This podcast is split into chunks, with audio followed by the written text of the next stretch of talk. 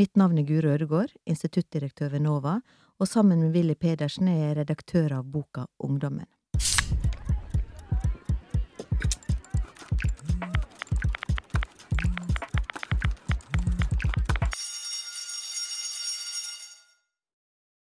Umotiverte elever er utdanningsmyndighetenes største frykt. Hyppige tester skal øke innsatsen. Om eleven mislykkes, har de bare seg selv å takke, for skal de ta ut potensialet sitt, så må det selvdisiplin til.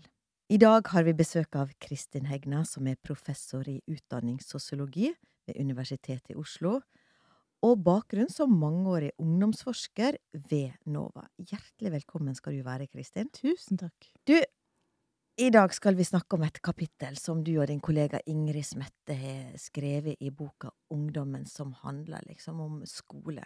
Mm. Og jeg må ærlig talt innrømme at uh, jeg har grua meg litt til å snakke om norsk skole. Fordi at jeg syns det ofte er så komplekst, og det er så mange meninger om norsk skole. Og det kan av og til virke at uh, en er ekspert i pedagogikk bare en har barn i skolealder. Men jeg har litt trua på denne samtalen, da, Kristin. Hm. For det, du har jo rimelig god oversikt over norsk skole har utvikla seg de siste 30 åra.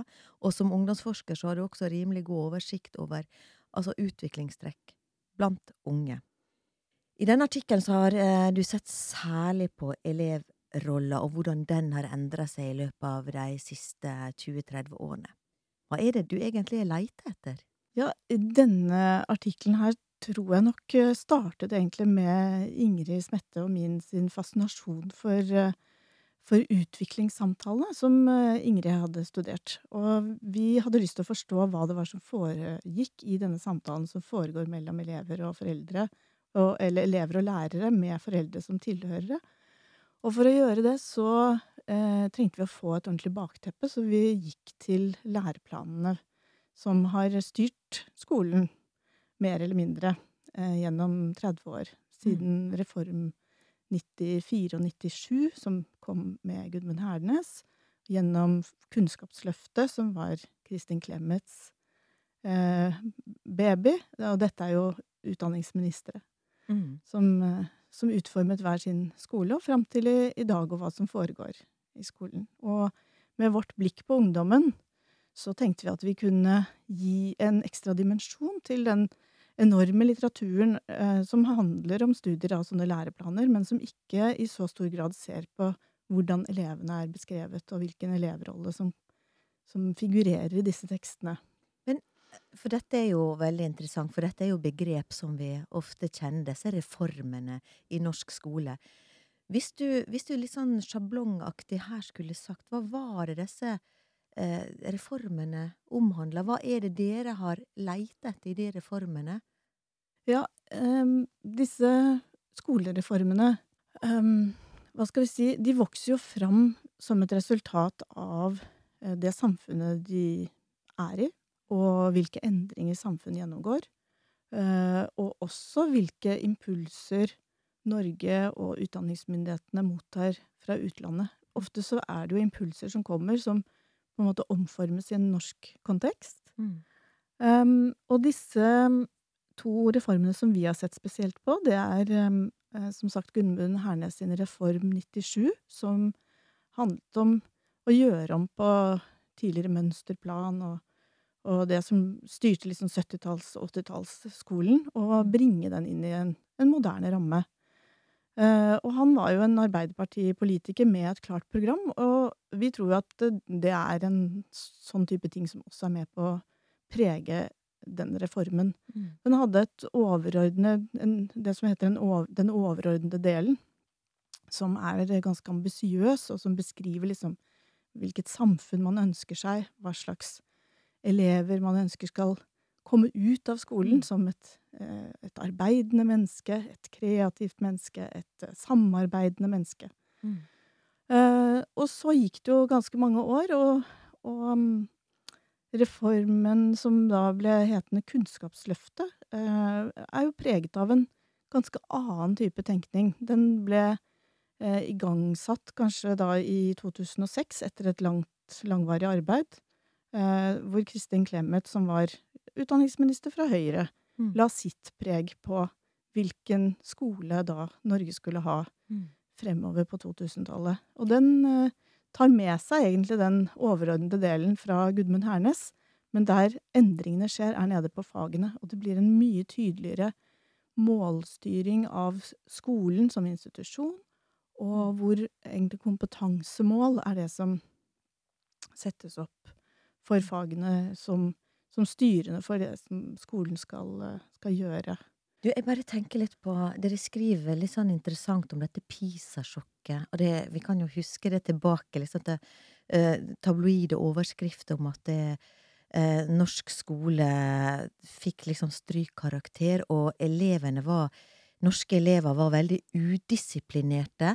Var dette Blei forklaringa rundt dette her er noe av den Reform 97 om eh, hvordan henger dette sammen? Hadde det noe å si for denne her kunnskapsløftet til Kristin Clemet? Ja, det eh, er det mange som mener. Og der er det jo Det fins forskning som prøver å finne ut hvordan den type impulser som jo kom fra eh, utlandet eh, Og liksom bare den tanken om at Norge skulle være med i PISA-undersøkelsen, og hvilke resultater At man fikk vite at norsk skole kanskje ikke var så god i betydningen eh, elever på høyt Mm. nivå som Mm. man trodde. Eh, men det vi har hengt oss opp i, er som du sier, dette med, med disiplinproblemene, som eh, man mente at PISA-undersøkelsen avdekket. Mm. At liksom norske skoleelever i klasserommet var de mest uh, uregjerlige. At det var Mm. eh, liksom de, del, de som deltok i PISA-undersøkelsen i Norge, svarte ganske ofte at det var mye bråk i klasserommet. Um, og, uh, og da må man som skolereformator på en måte ta Mm. tak i den type problemer og fortolke hva er årsaken til det. Og det vi har en hypotese om, det er at uh, Kunnskapsløftet svarer på den utfordringen ved å stille sterkere krav til disiplin og styring, klasseledelse. Eh, at læreren skal ha et større ansvar. For hvis man leser nøye i Gudmund Hernes sine dokumenter, som da skulle fortelle hvordan eleven eksempel skulle være, så legger han veldig stor vekt på prosjektarbeid, gruppearbeid, Mm. eh, på liksom em, elevens egen mulighet til å eh, bestemme selv over sin egen skolehverdag, osv. Og Mm. i Kunnskapsløftet så står det understreket at det er læreren som har ansvaret for undervisningen, sånn at det ansvar for egen læring, som Mm. liksom blir trukket fram som en, eh, et eh, honnørord på mange måter hos Gudmund Hernes sin, eh, i hans reform, og det understrekes jo at, eh, at det er en slags form for selvbestemmelse som elevene skal stå Mm. for. Så blir det på en måte eh, parkert i Kunnskapsløftet. Mm. At man sier at eh, ja, eleven eh, skal styres. Eh, Læreren har ansvaret. Og til syvende og sist er det selvfølgelig eh, eleven som skal lære, men det er, det er læreren som skal, eh, som skal bestemme. Mm. Men dette er jo veldig interessant, men jeg tenker at for både Kristin Clemet og Gudmund Hernes så var det ett mål. Det var jo at eh, elevene skulle lære mest mulig. Eh, hvilket motivasjonssystem lå bak disse to ulike, relativt ulike tenkningene, da?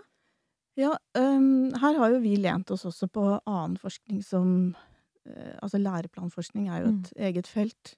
Vi, uh, vi må se på det med våre blikk, men vi henter jo mye fra andre felter. Og, og um, uh, annen forskning peker på hvordan den overordnede delen fra Reform 97 beskriver en, en sånn type indre motivasjon hos elevene. At man har en tro på Mm. at eh, eleven som liksom lærende menneske alltid vil drives eh, fram mot å utvikle eh, mer kunnskap. Så det er på en måte å gi eleven frie tøyler, så vil denne indre motivasjonen vokse fram. Mm. Men med dette PISA-sjokket, vet du, eh, og den Mm. disiplinen som, som man var redd for at elevene manglet, så tenkte man at det er der det ligger. De kan ikke styre seg selv. Skolen må kontrollere mer. Mm.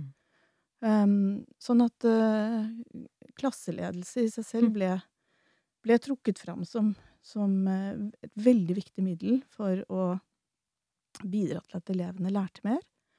Uh, og vi tenker jo at uh, når man omformet konferansetimen, som kanskje eh, vi var med på da vi var elever i Mm. skolen, eh, til å bli det som heter nå utviklingssamtaler, så er det også et sånn type middel for å, eh, for å styre elevenes læring og gi dem motivasjon mot å nå målene sine. Mm. Hvis man kan få eh, elevene til å sette seg mål, så, så eh, kan man også få dem til å jobbe mot disse målene. Og det er en slags mer ytre kontroll og en prøve å gi elevene motivasjon ved å kontrollere dem fra utsiden, da.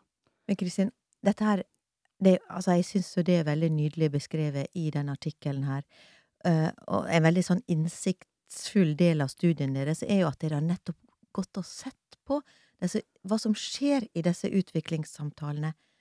Hva, hva er det som egentlig skjer der? Det er jo altså Settingen er jo da et som regel et læ- lærerværelse der læreren og eleven har samtaler hvor foreldrene sitter. Jeg har alltid syntes at det har vært en veldig sånn krevende situasjon som foreldre selv, fordi at jeg blir sittende litt sånn på siden og overvære en dialog, eller kanskje heller en monolog, der læreren snakker til en taus tenåring.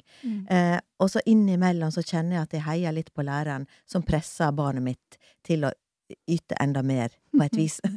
så hva skjer i disse, dere som har sett på det mer med analytisk blikk? Ja, det er jo Ingrid Smette sine lydbåndopptak fra mange sånne utviklingssamtaler som er utgangspunktet for den videre analysen der. Og det er utrolig interessant altså, å høre hva, hva skal læreren gjøre når de tenker at de kan ikke si eh, du må gjøre sånn og sånn og sånn, Mm. fordi det blir for eh, det det blir for avslørende, på en måte. Eleven vil jo protestere. Mm. Så hva skal læreren gjøre for å liksom lure eleven til å være med på skolens mål, og, og sette seg de målene som læreren tenker at det er, er lurt? Eh, Og når vi hører på disse samtalene, så er det veldig mye målsnakk. Det er liksom hvilke mål har du? Det kan gå på eh, at man skal liksom lære seg mer, bli flinkere i matematikk, eller lære seg mer og sånn, sånn og sånn. Eller det kan være at man skal sette seg som mål å ha en sterkere innsats. Men vi ser også noen ganger at de setter opp liksom mål om en slags sånn personlig utvikling for eleven, da. Du må bli Mm. kanskje flinkere til å til å um, ha tro på deg selv, eller Mm. liksom eh, Ja, ganske sånn individualiserte Mm. samtaler rettet inn mot den enkelte elev. Um, og, og ja, jeg tenkte kunne passe at jeg leste opp et av disse avsnittene som, Ja. vi, som vi har hentet fra noen av disse Veldig gjerne. utviklingssamtalene. Her, dette er et eksempel hvor det er en lærer som snakker med en, en gutt. Så jeg tror dere hører hvem som er læreren og hvem som er gutten. Det er læreren som begynner. Ja, målet er jo å forbedre seg i fag. Er det noen spesielle fag du ønsker å forbedre? Eh, ja, det er jo fortsatt matte og engelsk, da. Matte og engelsk. Bra. Hva må til, tror du? Ja, det er jo bare å gjøre ekstra oppgaver og følge med og gå til timen og eh, ja, øve mye til prøver og sånn. Ja, du tror du gjør det nok nå, eller? Nei, jeg må nok øve litt mer, tenker jeg. Ja. Så her er det jo mange forskjellige mål som er i samtalen, men det mest interessante her er hvor ledende alle spørsmålene til læreren er. Hun prøver å få egentlig gutten til å si de målene som læreren selv synes er de riktige. Eh, og få skolens mål til å bli elevens egne mål. Og er det dette dere kaller liksom Er dette et, liksom denne selvdisiplineringa på et vis? Ja, vi har jo eh, prøvd å se dette her i et eh, interessant teoretisk perspektiv som er hentet fra den franske teoretikeren Michel Foucault.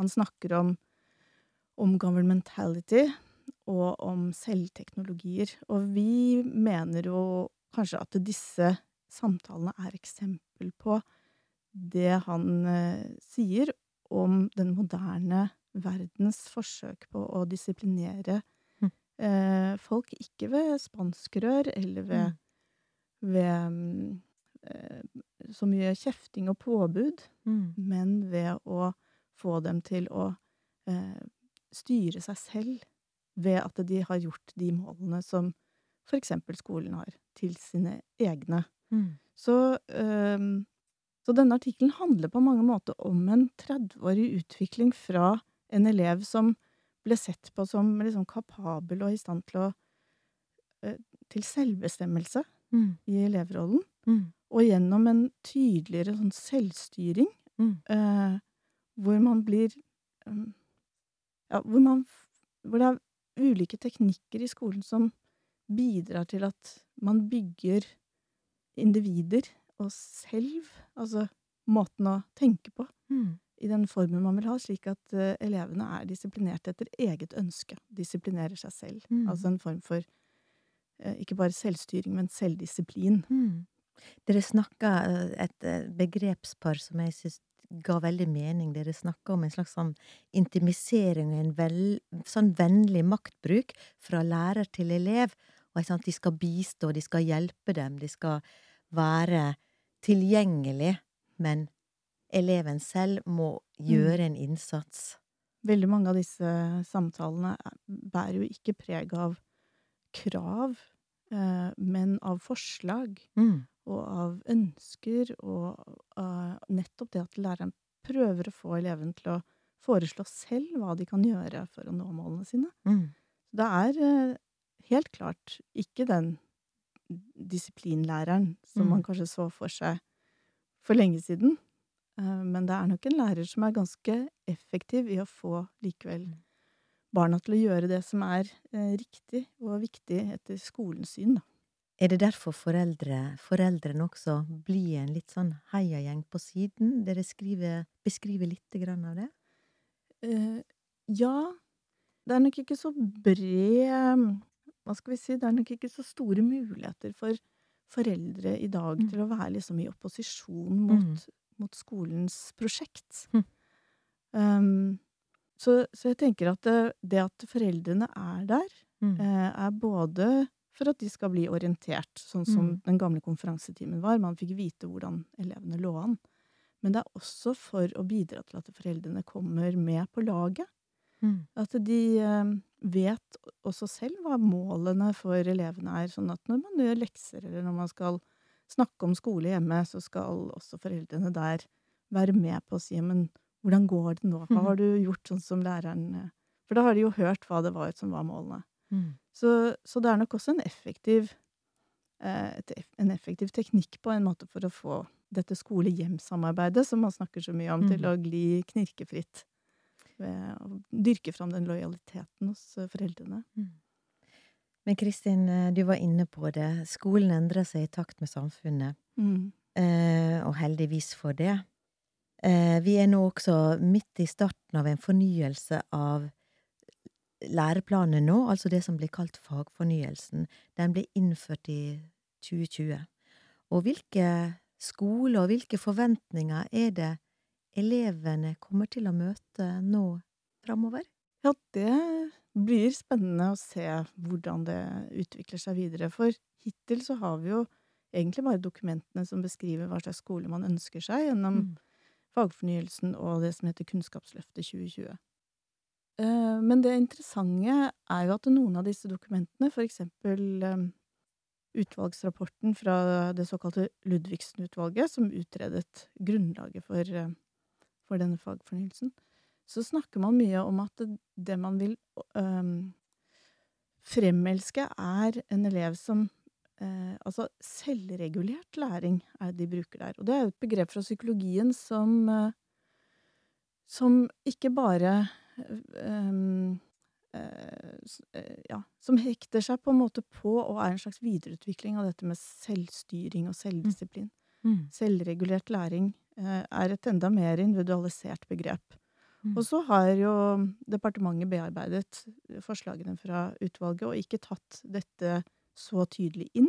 Mm. Um, men de, samtidig så skriver de at det er viktig for departementet at man ikke legger opp til at eleven skal ta ansvar for egen læring. Så det fortsetter eh, kanskje en utvikling hvor eh, elevene fortsatt må sette seg mål, og når de har gjort det til sine egne, så er det jo deres eget ansvar å Mm. nå disse målene. Mm. Og ikke så mye skolens ansvar lenger. Eh, I hvert fall sånn som elevene tenker. Så det er jo vår bekymring til slutt, da.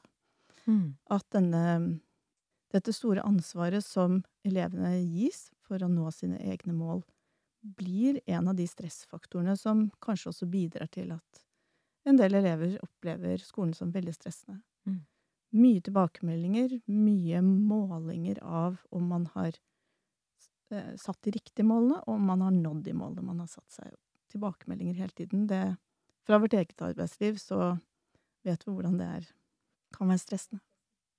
Kristin Hegna, jeg blei klokere. Dette var eh, veldig fint å få ditt blikk på skolen og elevrollen gjennom 30 år, hvordan den har endra seg. Tusen takk for at du var med og delte av din kunnskap.